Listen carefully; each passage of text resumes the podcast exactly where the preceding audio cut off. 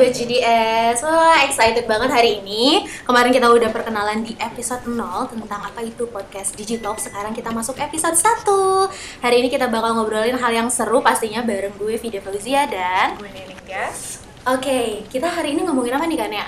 Uh, kita mau ngomongin judulnya adalah Groundbreaking Bikin Impact Gimana Caranya. Nah ini tuh siang-siang, sorry ya agak annoying gitu Karena kalau siang-siang minum dulu guys, sorry Boleh. Sebagai milenial eh, sekarang ini kalau habis lunch ini wajib banget beli es kopi bener gak sih? Kayak memban banjir di mana-mana es kopi apalagi sekarang banyak apps banyak diskon beli kopi itu murah banget. Apalagi sekarang ada aplikasi mau makan tinggal dikirim. Jadi lunch kita ini sekarang itu bisa spend sama hal-hal yang asik banget. Nonton Netflix, YouTube, gampang banget deh pokoknya hidup kita sekarang bener gak kak? Bener banget. Nah, uh, adanya aplikasi-aplikasi teknologi ini tuh bisa bikin urusan kita tuh jadi gampang banget, jadi Benar. banget. Terus kehidupannya jadi lebih mudah. Ya benar kayak mau apa tinggal klik, mau apa tinggal klik semuanya ada di dalam genggaman tangan kita kayak tagline perusahaan. Sorry. Ya anyway, hal-hal kayak gini tuh yang bikin mudah itu bisa nggak sih ya ternyata kalau diaplikasikan di.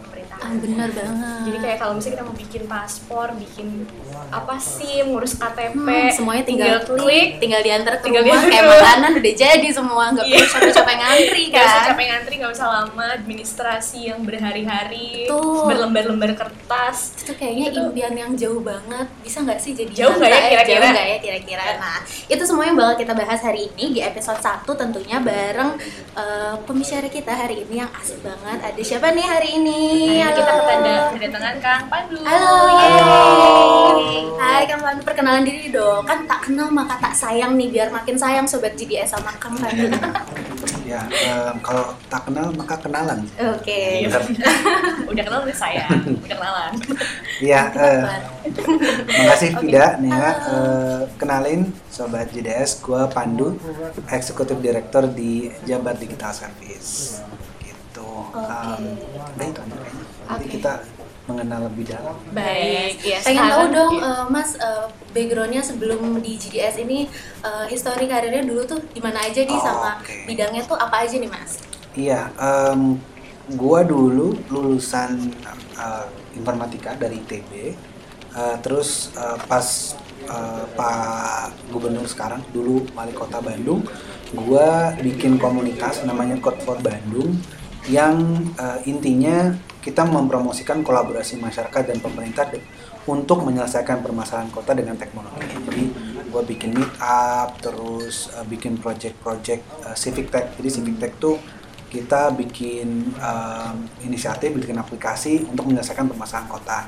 Misalkan apps buat um, pesen bis gitu, atau pesen angkot, atau uh, apps buat monitoring.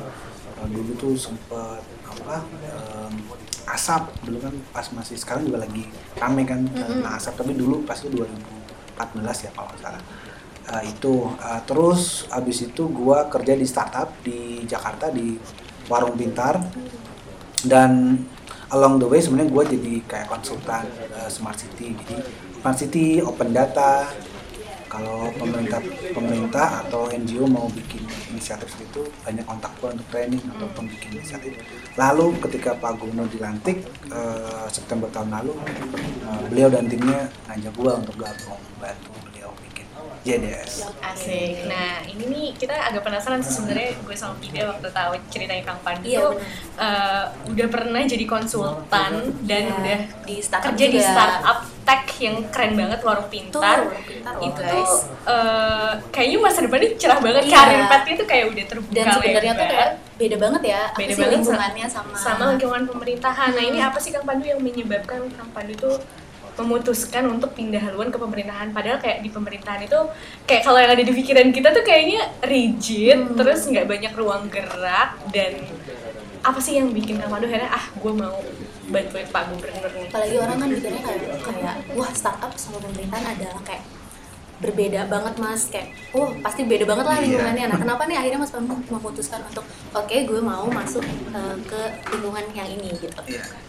Eh, yang utama sih sebenarnya karena, aduh, gua nggak enak banget ngomong kayak ini karena passion. Tapi gue sih sebenarnya eh, nggak pengen jadi orang jadi oh harus menemukan passion enggak ya? Karena gue termasuk salah satu orang yang nggak percaya bahwa kita harus menemukan passion untuk uh, do something. Tapi kebetulan saja memang gue mungkin bukan passion tapi lebih ke gue uh, suka punya motivasi ketika mengerjakan uh, civic tech ini civic tech berarti kan tadi teknologi untuk uh, publik untuk kebaikan. Nah um, itu yang utama. Nah itu ngerembet sebenarnya ke internal motivation di gue bahwa um, gue pengen membuktikan kepada diri gue sendiri uh, atau break my limit uh, bahwa ya gue bisa melakukan sesuatu yang yang lo bilang tadi. Jadi sulit gitu. Lo bilang sulit dan gue sendiri juga masih sulit. Apalagi orang lain bilangnya kayak aduh ini sulit banget nggak mungkin kan. Tapi more than proving to uh, everybody sebenarnya walaupun itu juga salah satu motivasi tapi proving to myself tuh bahwa uh, kalau gue uh, fokus dan stubborn ya untuk do this uh, dan uh, put my effort untuk melakukan ini maka gue pasti bisa ngelakuin itu. Uh, itu yang kedua. Jadi mostly passion terus membuktikan pada diri gue sendiri kalau gue bisa break my limit. Dan yang ketiga tentunya uh, gue pengen uh, bikin impact gitu klise sih tapi ya itulah. Jadi gue ngerasa uh, gede banget. Ini salah satu industri industri. Pemerintah itu salah satu yang perlu didisrupt gitu, startup Nah, tadi kan ada histori nih sebelum masuk um, sempat bikin komunitas Ya. bareng Kak Anu juga gitu. Sampai kan, wah ini uh, kenapa baru memutuskan sekarang untuk masuk ke Civitek ketika beliau menjabat? Apakah ada mungkin apakah ketika beliau naik juga menjadi salah satu pertimbangan Mas Pandu untuk akhirnya membantu uh, kasarnya uh, membangun masyarakat Jawa Barat. Ada nggak sih Mas pertimbangan itu? Um, nggak gitu sih. Jadi karena makanya gini eh, 2014 kan itu juga gue udah masuk Civic Tech. Nah Hmm. menariknya jadi gue tuh kayak udah kayak di Civic Tech dari awal tuh Civic Tech cuma perannya beda-beda. Nah jadi 2014 gue Civic Tech dari komunitas sebagai komunitas. Terus jadi kayak konsultan kan project-project gitu. Terus habis itu gue di warung pintar. Warung pintar tuh Civic Tech juga sebenarnya kalau di mepet-mepetin. Karena ya dia membantu UMKM dan in direct way gitu loh. Kayak literally kita bantu warung untuk uh, naik kelas gitu kan. Untuk untuk uh, jadi teknologi biar penaikan penghasilannya naik. Terus yang, yang belum kan di pemerintahnya sendiri di dalam gitu. Nah jadi sebenarnya dari awal memang sudah civic tech uh, cuma uh, perannya beda-beda gitu. nah yang sekarang yang benar-benar di dalam dan literally mengubah dari dalam Jadi sebenarnya apa yang uh, Kang Pandu pengen lakukan itu adalah bikin impact dengan sesuatu yang uh, groundbreaking Iya. tadi mungkin ya yang yang kita bahas dari awal tadi itu. Mungkin ground yang akan di break oleh Kang Pandu sekarang adalah pemerintahan dan dari dalam, Dari dalam. melalui Jabar Digital Service ini ya Kang. betul banget Nah, tadi kan Mas Pandu udah cerita tentang uh, GDS secara sekilas. Nah, aku pengen nanya nih lebih dalam, apa sih Mas GDS itu? Kenapa sekarang unit ini harus ada? Karena kan sebelumnya unit ini nggak ada ya Mas. Dan kalau kita boleh tahu, uh, tujuannya itu apa sih ke depannya dari unit ini biar Sobat GDS juga lebih paham tentang GDS itu sendiri? Oke, eh iya sih. Jadi eh, yang pertama eh, memang banyak pertanyaan juga, bukan banyak pertanyaan, tapi ada yang tanya juga. eh, eh, kenapa sih kan harus ada JDS padahal udah ada diskominfo Iya. atau misalkan dinas gitu ya. Nah, eh, jadi sebenarnya yang ingin dilakukan adalah akselerasi kata utamanya gitu kan. Eh, jadi kita eh, dikasih mandat dari Pak Gubernur pada waktu itu kan saya gitu melalui timnya bilang bahwa eh, yuk gimana kita mempercepat visi Pak Gubernur yang digital province.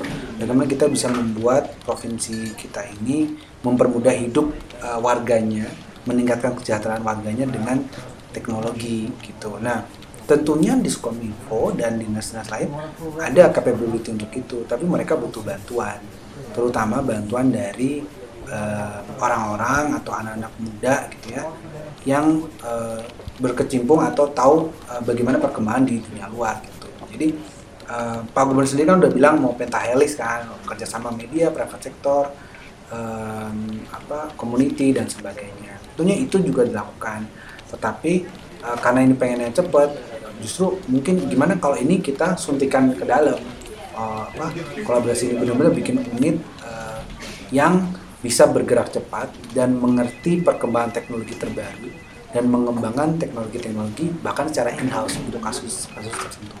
Jadi kalau misalnya disimpulkan eh, sebenarnya JDS itu ngapain sih? Sebenarnya JDS itu unit eh, spesial gitu, unit spesial, unit eh, taktikal inovasi digital di pemerintah Jawa Barat yang bertugas untuk mengakselerasi transformasi digital pemerintah dan provinsi Jawa Barat. Eh, itu sih secara umum.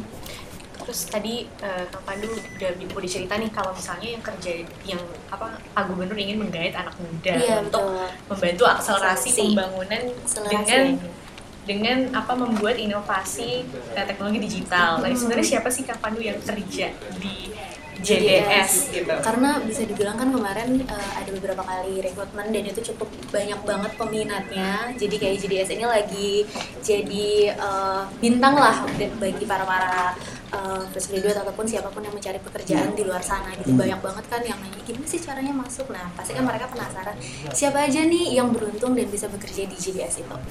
Ya, em, sebenarnya kita ya tadi udah bilang sih kumpulan anak muda sih. Gitu. Eh, eh, kita eh, rekrutmen terbuka, gitu kan. Jadi memang eh, Pak Gubernur sendiri juga pengen ya kita bikin rekrutmen terbuka, transparan, dan benar-benar eh, apa ya ahli-ahli tenaga ahli yang di bidangnya masing-masing. Jadi kita ada developer, ada product manager, ada content writer, content strategis, ada business analyst, ada UX researcher, UI designer. Jadi em, lengkap sih kayak startup Beneran gitu. kayak startup ya? Betul. Soalnya kadang-kadang kalau ditanya kerja di mana, oh eh, kantor gubernur, oh PNS. Iya pasti Oh, kayak gitu ya. iya. PNS ya. Padahal kayak kalau dipikir-pikir kerjanya kayak startup banget gitu. apa nih yang Ya. membedakan eh, tim GDS ini dengan tim yang lain gitu kan Ka- tadi kan tim-timnya pun eh, dibentuk mirip dengan startup pasti Ya. kan ada lingkungan atau suasana yang beda gitu Ya. mas di sini Sebenarnya yang utama memang perbedaannya karena kita wel- eh, bukan ya. Jadi kita tuh kayak em, government ala rasa startup gitu. Jadi em, kita itu meng-approach kita meng-approach permasalahan-permasalahan eh, layanan, permasalahan-permasalahan pembangunan dan kita coba selesaikan itu dengan eh, cara-cara baru gitu dan eh, pada kasus kita juga dengan teknologi gitu. Jadi em, kita dapat eh, resource, kita dapat eh, tapi kita juga hidup dalam rules, eh, constraint yang ada di dalam government.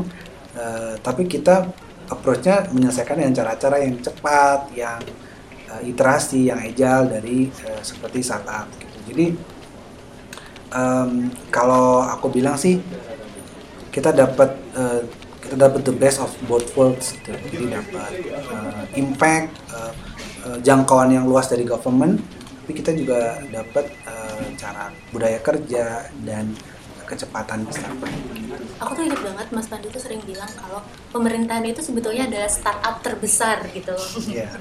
Kenapa banget. kayak gitu mas soalnya itu aku kaget oh, gimana ya ini maksudnya gitu startup Iya. terbesar karena em, sebenarnya pekerjaan di ada yang bilang kalau kan pemerintah tuh regulasinya banyak birokrasinya ribet segala macam mungkin orang tuh kebayangnya tuh pemerintah tuh kayak oh ini ada tatanan protokol semuanya udah rigid segala macam. Tapi pada kenyataannya sebenarnya pemerintah itu juga masih belajar gitu. Dan eh, pemerintah itu bukan apa ya bukan produk yang selesai bukan produk bukan perusahaan yang selesai gitu. Jadi pemerintah itu kayak terus berevolusi juga gitu. Dan sebenarnya kalau dilihat di dalam itu malah mereka tuh berevolusi bergeraknya sangat cepat gitu ya. Ehm, jadi sebenarnya gua sih ngelihat kalau yang yang belum pernah masuk pemerintah sebenarnya kalau lihat ke dalam itu tuh PNS tuh kerjanya juga banyak dan berubah-ubah cepat kan. Apalagi kalau misalkan pimpinan eh, lagi mau ini terus mau ini gitu gitu kan. Nah itu juga eh, justru perubahannya mungkin lebih cepat gitu. Dan kenapa besar banget? Karena urusannya banyak banget. Kalau startup eh, lo bisa milih gitu oh gue mau fokus segmen ini gue mau fokus bidang ini. Kalau pak gubernur ya itu nomor mineral juga dikerjain pendidikan dikerjain kesehatan dikerjain teknologi dikerjain. Eh, dan kayak bukan oh gue mau target yang kaya kaya aja gitu. Gue target yang muda aja yang jago digital doang. Enggak ya harus semuanya dari muda sampai tua harus dilayani gitu. Nah eh, balik Nggak lagi. bisa milih warga. iya nggak bisa dong milih warga. Masa Nggak bisa. kan harus melayani semua ya tapi memang itu sih asiknya di pemerintah seharusnya tuh eh, tantangan yang terbesarnya adalah kita harus bisa dan sanggup melayani semuanya. Melayani semuanya karena kita nggak bisa milih ada di ada di tingkat ekonomi mana, Mana, literasi mana warga Apalagi yang harus dilayani. dengan berbagai macam background dari masyarakat itu sendiri ya. Nah, balik lagi nih tadi kan di awal sempat kita ngobrolin tentang banyak banget groundbreaking yang sudah diciptakan oleh Tech Companies.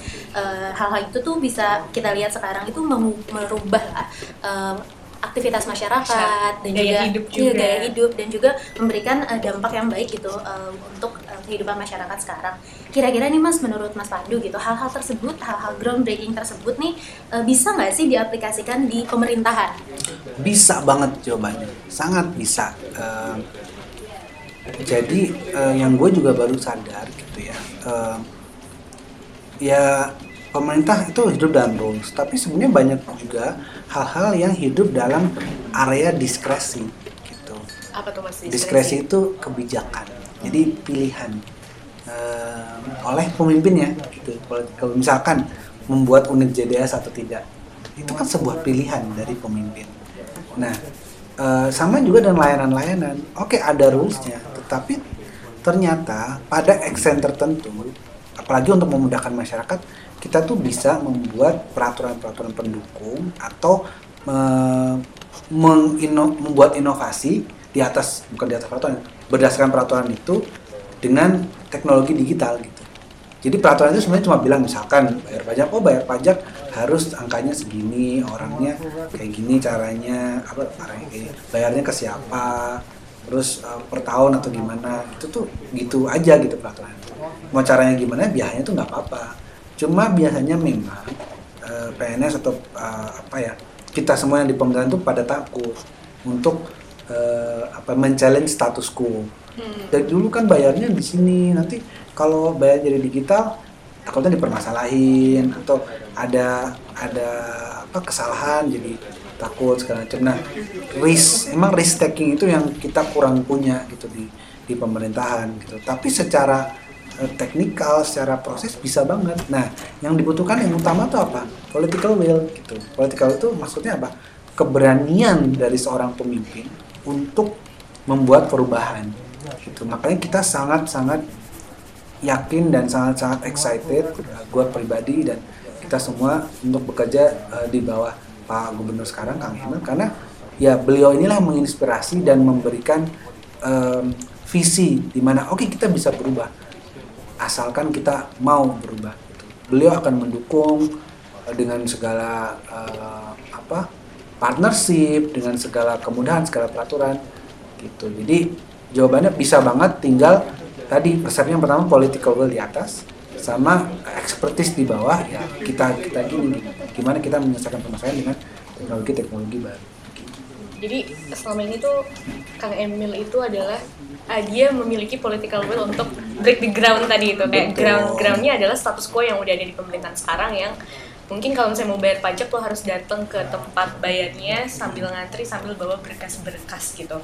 Nah itu hal itulah yang mau di break dengan eh, inovasi teknologi yang Betul. lagi dikerjain sekarang ini.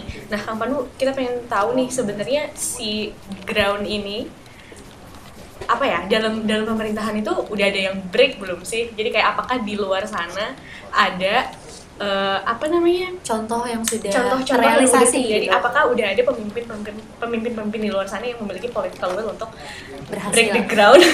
Dan akhirnya menciptakan teknologi yang bisa kayak istilahnya apa ya? Kayak mem, membe- mem- menjembatani kesulitan-sulitan masyarakat. dan Ya, kemanualan-kemanualan ya. yang harus dihadapi sama Eh, banyak banget ya em, yang yang yang apa ya yang nggak terlalu inovatif aja gitu. Misalkan em, apa transportasi publik. Di luar negeri kan udah pakai smart card Oh, iya, udah eh, kayak Oyster card di apa di Inggris di UK terus eh, SingPass di Singapura kan itu kan basically lu buat satu kartu eh, udah bisa pakai apa pun. Itu kan memudahkan masyarakat Em, terus kalau di Singapura itu gua nggak tahu masih ada apa tapi ada My Info jadi basically My Info itu info lu jadi satu. Jadi terus lu kalau misalkan ngerjain ngisi form di apa pendaftaran apa bisa klik pakai my info gitu. Jadi nggak usah ngisi bolak balik tinggal dia otomatis keisi.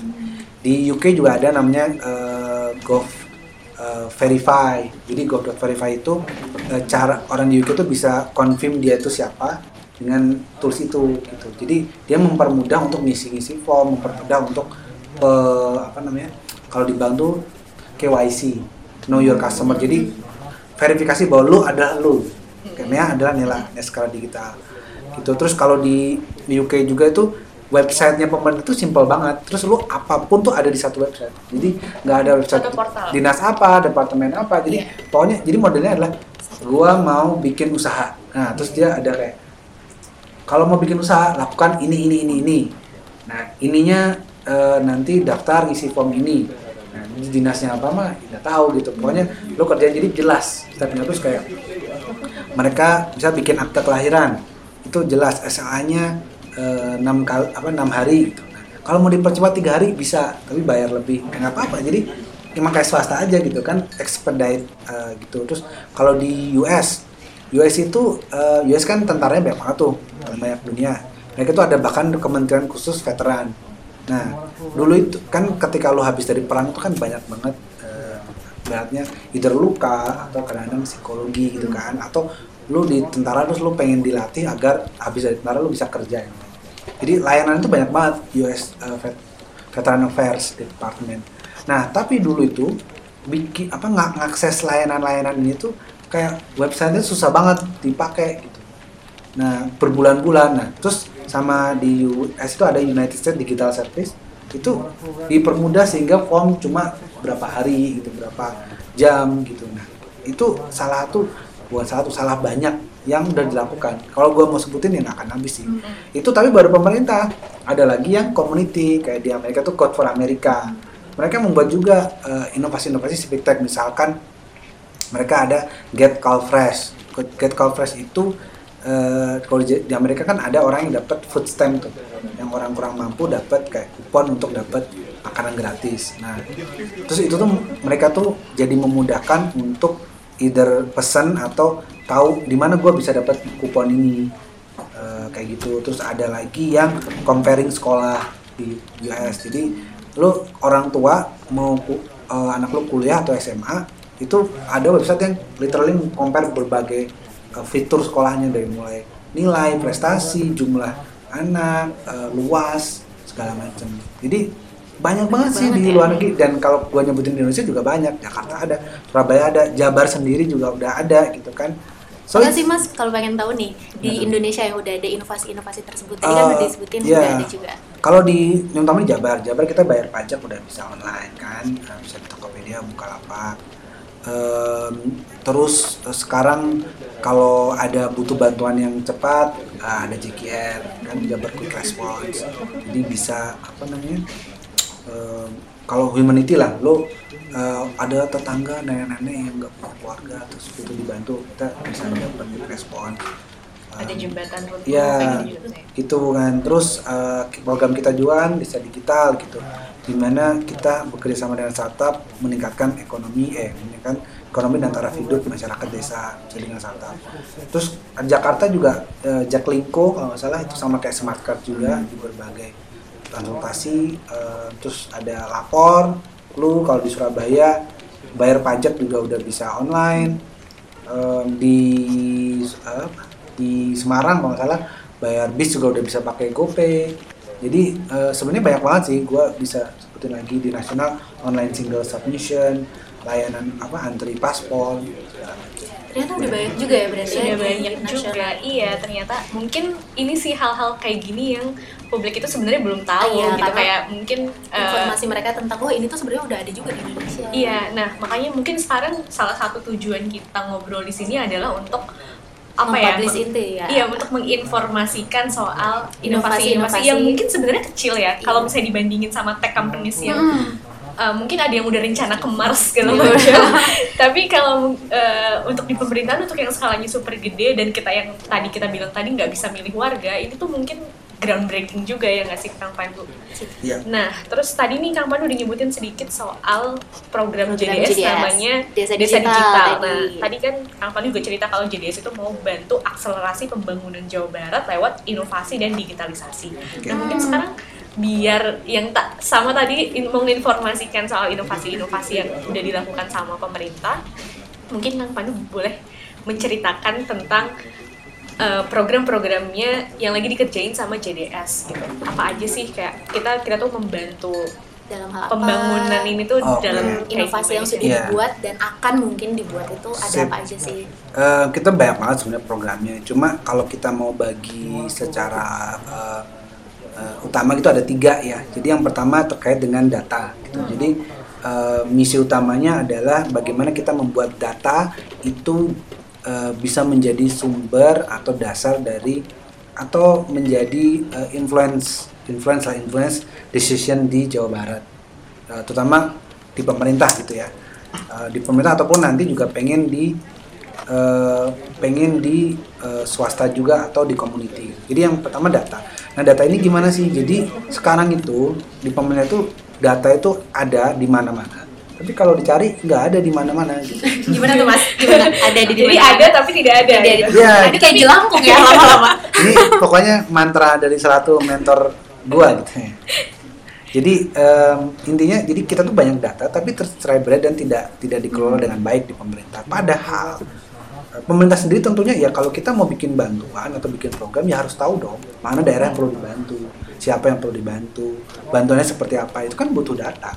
Data orang yang misalnya miskin, data apa aja industri yang perlu berkembang, apa yang turun segala macam. Nah itu tuh tidak dikelola dengan baik. Gitu. Nah em, kita membuat em, tools-tools teknologi-teknologi untuk mengelola dan mengolah data itu sehingga data itu menjadi bisa menjadi basis dari keputusan tadi. Jadi kita membuat em, ya kalau menjargon big data infrastructure lah gitu ya. Jadi kita bikin tools untuk collect gimana mengkolek data dari berbagai dinas, berbagai stakeholder, lalu kita membuat tools untuk menyimpan dan mengolahnya untuk menjadi nanti kita tools lagi untuk menampilkan. Jadi hasilnya ada dashboard, ada uh, dashboard uh, analitik, chart gitu-gitu, terus uh, nanti perhitungan, ada juga dashboard peta. Terus sehingga nanti Pak Gubernur, Kadis, segala macam uh, bisa tahu uh, apa sih yang mereka itu dari dulu tuh nggak pernah dapat gitu. Jadi misalkan contohnya anggaran, anggaran itu kan uh, Jabar tuh PAD-nya berapa sih? Gue juga lupa ya. Kalau nggak salah 11 triliun ya atau 11 atau sampai berapa puluh triliun. Tapi kalau Jakarta gede banget 80 triliun tuh. Kalau kita kayaknya 11 mungkin 20 maaf kalau gue lupa gitu. Eh, nggak ngikutin banget tapi dulu kan gini 11 triliun tuh kan harus dibagi tuh mau pariwisata kesehatan pendidikan nanti dari pariwisata oh ini pembangunan apa kegiatan nah berarti kan Pak Gub ada prioritas tersendiri tuh. Nah, kan Pak Gub tuh ngomongnya ya ya di rapat besar gitu kan. Nah, terus nanti dinas-dinasnya yang mendetailkan. Nah, kalau dulu kan Pak Gub misalnya mau ngecek ini anggarannya udah bener belum? Gua ngomong pariwisata harus maksimal, anggarannya pariwisata maksimal atau enggak? Dulu tuh disuruh baca, gubernur dulu baca eh, apa dokumen yang 600 halaman gitu. wah Gimana caranya gitu kan? Kan akhirnya ya Jadi udah- nggak cuma satu ya? ya udah weh percaya aja nah sekarang dengan ada teknologi kita bikin dashboard dan bikin sistem sehingga eh, Pak Gub kalau nyara oh pariwisata udah berapa total anggarannya oh kelihatan dibanding berapa dia ranking berapa ini misalnya pariwisata jadi prof- eh, apa eh, prioritas kenapa masih kurang misalkan gitu ya. Terus ini misalkan kenapa eh, apa perjalanan dinas kenapa terlalu banyak? Atau misalkan banyak hal gitu yang dicek tuh oh, ternyata eh, apa pemprov itu nge-spend listrik sebanyak ini setahun berapa puluh miliar. Nah, terus berapa nyewa tenaga eh, kerja gitu-gitu. Jadi itu yang membantu yang teknologi benar-benar bisa membantu beliau untuk mengambil keputusan. Oh kalau gitu kita kurangin deh misalkan perjalanan dinas kita tambahin di pariwisata kita macam Eh, itu salah satunya. Terus yang lain misalkan potensi desa. Kan bingung nih aduh desa banyak banget se Jawa Barat ada 5.300 lebih gitu kan. Terus ini desanya sebenarnya pemetaannya gimana nih? Gua lihat oh ternyata yang jasa itu banyak di daerah kota. Yang di di rural area tuh banyaknya pertanian kan. Oh kalau gitu gue uh, bantuannya kayak gimana gitu. Terus mana daerah yang blank spot mana yang infrastruktur kurang yang dulu tuh kayak ya misalkan tampilannya apa laporan PDF atau kertas aja petanya itu nggak nggak interaktif. Dengan itu kita dengan yang data ini kita bikin dengan lebih dan dinas-dinas juga kan bingung naruh data itu gimana paling di paparan atau arsip. Dia nggak tahu cara menyimpan data digital makanya kita keep. Ehm, kita juga provide data-data yang bisa dibuka untuk publik. Jadi open data tuh. Jadi misalkan um, orang yang riset atau uh, startup mau membantu pemerintah atau mau bikin uh, tentunya biasanya kalau bikin aplikasi atau riset kan menyelesaikan masalah. Kita provide datanya dengan mudah. Jadi nggak usah nanya-nanya ke dinas datang gitu. ini baru satu tuh panjang banget kan? Iya. nah terus yang Banyak kedua ya, ternyata ya. inovasi. Ya nanti ini gua gua ringkas lagi. Nah yang kedua adalah transformasi digital pemerintah. Sebenarnya uh, jadi pemerintahnya sendiri yang di uh, Digitalkan. digital digitalkan gitu. Nah, eh, salah satu yang utama adalah layanan publiknya yang tadi kita udah ngobrolin di depan. Gimana layanan publik itu biar eh, bisa kayak Gojek gitu ya. Jadi kita juga lagi ngembangin eh, aplikasi namanya Sapa Warga dan sekarang tahun ini sebenarnya masih sebenarnya kayak piloting itu sih. Kita nyoba ke RW dulu belum ke warga. Jadi ba- bayangin aja tadi lu eh, semua layanan pemerintah itu di satu aplikasi bikin KTP di satu aplikasi, bikin apa di satu aplikasi. Maybe tetap harus datang gitu, tapi minimal misalkan janjian waktunya sudah upload dokumennya udah jadi lu meminimalisir datangnya tuh di sana itu e, bingung nggak jelas gitu, prosesnya pun diperjelas. Nah itu nanti udah jadi satu aplikasi. Jadi lima tahun maksimal lah ya, lima tahun ini you can expect everything di Jawa Barat eh, untuk urusan pemerintah bisa dalam genggaman gitu itu itu yang untuk publik gitu. Jadi Iya. jangan cabut dulu dari Jawa Barat gitu. Jangan pindah KTP pindahnya ntar aja. Biar ngerasain nanti hasilnya. Nah betul. Itu yang di luar layanan publik. Di dalam pemerintahan juga kita baik dalam persuratan atau ya hal-hal yang eh, mempercepat kinerja pemerintah eh, secara digital kita juga eh, bantu eh, benerin gitu. nah yang ketiga. Yang ketiga itu kita langsung. Kalau tadi kan banyaknya ngebantu pemerintahnya tuh. Yang ketiga adalah langsung ke desa eh sebenarnya bukan Ke desa sih ke warga gitu. Tapi utamanya sekarang kan desa, Desa. karena fokusnya Pak Gubernur di desa. Kita program desa digital. Jadi intinya desa digital mah ini ada desa dia ada potensi apa eh, terus ini ada startup dia ada produknya apa. Nah udah kita pasangin gitu. Sebenarnya mana kita kayak mana desa yang perlu dibantu mana startup yang mau membantu sudah kita pasangin mereka eh, menyelesaikan masalah desa itu. Kita mungkin provide bantuan untuk either sosialisasi atau mungkin eh, apa ya dana awal untuk memulai produknya gitu gitu nah itu contohnya misalnya kemarin kita kerjasama sama e-fishery di Indramayu. Gimana membantu petani lele untuk eh, dia mempercepat eh mempercepat meningkatkan pendapatannya dengan teknologi smart feeder gitu. Jadi banyak banget lah kita juga bisa pelatihan wa- warga desa jadi coder atau animator atau eh, dia jadi pedagang online gitu. Apa pun lah gitu dengan teknologi. Atau juga bisa desa yang belum ada internet kita bantu untuk infrastruktur internet gitu. Jadi banyak banget lah intinya em, apa yang kita bisa lakukan. Basically kita mencari partner. Nah makanya kalau lo startup yang mau bantu desa warga Jawa Barat kontak kita biar nanti kita pasangin ke desa yang membutuhkan Iya bisa. Bisa Gitu. email aja ke bisa kita. nanti kita taruh email sama uh, sosial media kita di deskripsi podcast ini ya guys betul Wah ternyata banyak banget ya, banyak banget dan Banyak banget. belum banyak mungkin masyarakat yang tahu uh, akan program-program dan inovasi apa saja yang sudah dibuat. Nah ini berarti adalah saat yang tepat sih di podcast ini kita ngasih tahu. Nah tadi kan kita udah ngobrolin banyak inovasi yang sudah dan mungkin sedang dijalankan dan kita dari tadi ngomongin tentang groundbreaking things. Nah mulai dari yang super keren dan besar-besar yang dilakukan oleh berbagai tech companies itu. Tapi tadi ada satu yang Kania bilang ternyata eh, yang aku tertarik ternyata groundbreaking itu tidak harus sesuatu yang besar gitu memberikan impact yang besar tapi kalaupun kecil tapi emang betul-betul memberikan impact juga itu adalah suatu groundbreaking groundbreaking, itulah yang dilakukan oleh pemerintah kita gitu sedikit-sedikit yang tapi hasilnya akan kelihatan nanti gitu kan nah eh, pengen nanya nih sebetulnya ke Mas Pandu itu sendiri. Menurut Mas Pandu nih definisi dari groundbreaking itu sendiri secara personal untuk Mas Pandu itu apa sih? Em, kalau ya, definisi groundbreaking kayak artinya aja ya. Ground break ground break ground break ya tapi kalau gue sih personalnya sebenarnya memang eh, challenge status quo aja gitu ya. Eh, terutama di status quo yang jelek kalau status quo yang baik maybe kita tetap harus challenge ya. Kita melihat apakah bisa diperbaiki lagi. Tapi itu sih jadi menurut gue eh, gimana kita tuh melihat status quo sekarang ini kayak gimana? Nah itu kalau eh, udah baik maka kita harus gimana bisa tingkatkan dan jangan sampai bisnis as usual. Jangan sampai kita tuh eh, jadi stay di comfort zone. Ketika udah oke terus kayak ya udah gini aja terus. Padahal kita bisa naikin lagi. Apalagi kalau status quo-nya jelek. Ya kita harus bener-bener disrupt gitu. Eh, jadi ya utama itu challenge status quo. Nah di prosesnya groundbreaking ini eh, apalagi kalau judulnya emang challenge status quo pasti banyak sekali yang resisten dan banyak yang tidak nyaman seperti siapa pun lah Uber dulu kan Gojek juga kan ya ada Opang lah ada taksi yang segala macam. Sama juga gitu.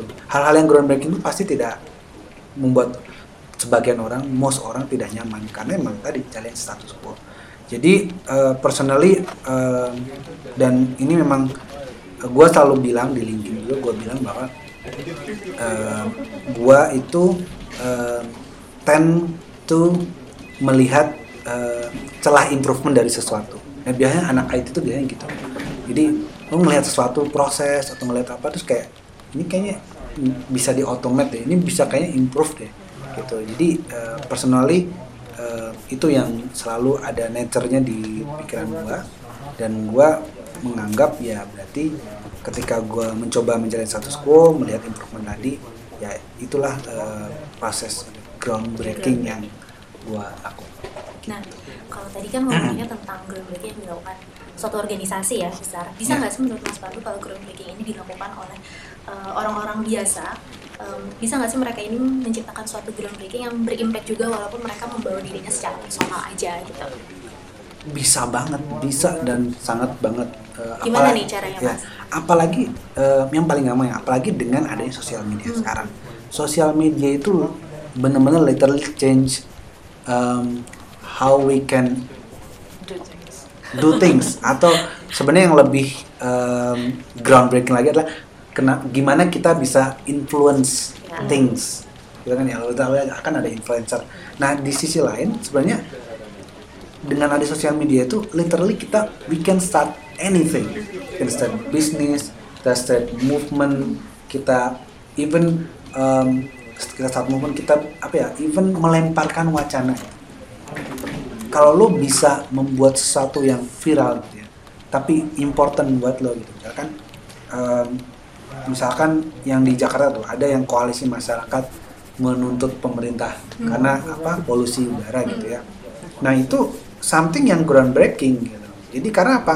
Lo memanfaatkan kan itu kan em, oke lo kan apa menuntut dengan apa eh, proses hukum tapi kan lo kayak nyebarin. Nah itu membuat orang sadar bahwa oh kita itu berhak loh terhadap udara bersih. Itu hak asasi manusia. Nah lu bisa juga menggerakkan orang-orang dengan cara lain.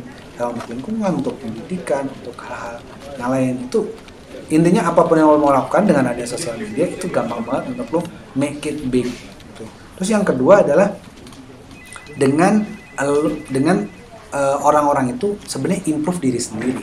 Karena itu the most groundbreaking thing sebenarnya menurut gua yang lo bisa lakukan orang itu nggak sadar dengan adanya internet lagi begitu mudah untuk kita tuh mengembangkan diri sendiri terus kayak kita malah pakainya ya kebanyakan buat sosial media yang tidak groundbreaking tapi lebih ke lihat-lihat lah apa panjat sosial segala macam Nyinyir. Iya, ya. Tapi padahal ya, ser- kan sayang banget gitu loh. Kalau lu spend those time itu untuk mengembangin diri lu belajar apa, belajar segala macam. Online course gitu. Itu percaya deh gua, investasi leher ke atas itu akan membuat lu jadi orang yang sangat berbeda dibanding orang lain. Terus yang kedua, karena lu sangat berbeda dan sangat lebih jago gitu ya, lu pasti akan translate ke apa pun yang lu lakukan. Kalau lu makin pintar yang lu lakukan itu pasti akan groundbreaking menurut gua gitu sih jadi eh, itu sih yang pertama dengan adanya platform sosial media lu tuh bisa literally melakukan apa pun dan membuatnya jadi sebuah gerakan yang besar yang kedua adalah Jadi eh, lo memanfaatkan internet itu untuk mengembangkan diri lo. Ini kayak kelihatannya klise, tapi orang tuh jarang banget loh memanfaatkan internet untuk bener-bener full investasi ke diri lo sendiri gratisan tuh banyak banget belajar apa pun gitu. Terus yang ketiga eh, yang em, agak sebenarnya agak ya offline lah ya lo start something di eh, lingkungan lo gitu. jadi eh, di perusahaan di mana lo bikin meetup untuk diskusi tentang apa gitu. Misalkan lo eh, di perusahaan marketing terus kayak oh kita bikin yuk grup baca buku atau grup eh, finance eh, belajar finance. Itu eh, groundbreaking yang again apa? Challenge status quo yang nggak ada. Gitu. Oke, menarik ya. Jadi jangan sampai kita menggunakan teknologi yang ada secara personal yaitu sosial media untuk sesuatu yang tidak berimpact. Karena Padahal menurut, bisa membuat gitu. Jadi Iya. jangan sampai disia-siakan gitu ya sih. apalagi Betul, Nak. menurutku sekarang semua orang itu adalah influencer sih karena Iya. mereka punya audiens dan Iya. mereka harus Betul. bertanggung jawab dengan audiensnya. Kalau Jadi- followers ada empat bisa influence empat Iya, orang. kan kita harus mikir lagi ya sebelum Iya. kita post atau apa pun itu apakah itu akan memberi impact atau justru sebaliknya gitu malah menyakiti orang lain. Nah, oke menarik banget ya uh, episode banget kita hari ini hari tentang ini. Yes. Thank you banget Mas Pandu udah sharing sama kita hari ini di episode pertama tentunya. Iya, semoga apa yang tadi kita obrolin bisa memberikan informasi dan manfaat buat para pendengar kita, sobat. JDS. Dan untuk sobat JDS juga yang mau ngasih masukan ataupun komentar dan juga mungkin buat startup yang tadi Mas Pandu bilang mau kerjasama, boleh nanti hubungi kita di email yang akan kita taruh di deskripsi podcast ini dan juga Iya, sosial sosial media. media kita bisa send uh, message ke Instagram juga nggak apa-apa. Itu salah satu cara untuk membuat impact lewat sosial media. Iya. Mungkin bisa message Semoga kita. masukan dan komentar kalian bisa membuat kita untuk berimprove lebih gitu di sini ya. Iya. Oke, eh, mungkin jangan ke mana-mana, eh, nantikan terus Iya. episode-episode dari Digitalk selanjutnya. Eh, kita akhiri episode satu kali ini. Thank you so much. Thank you so much. And- JDS sudah mendengarkan. Yes, bye-bye. See you next time.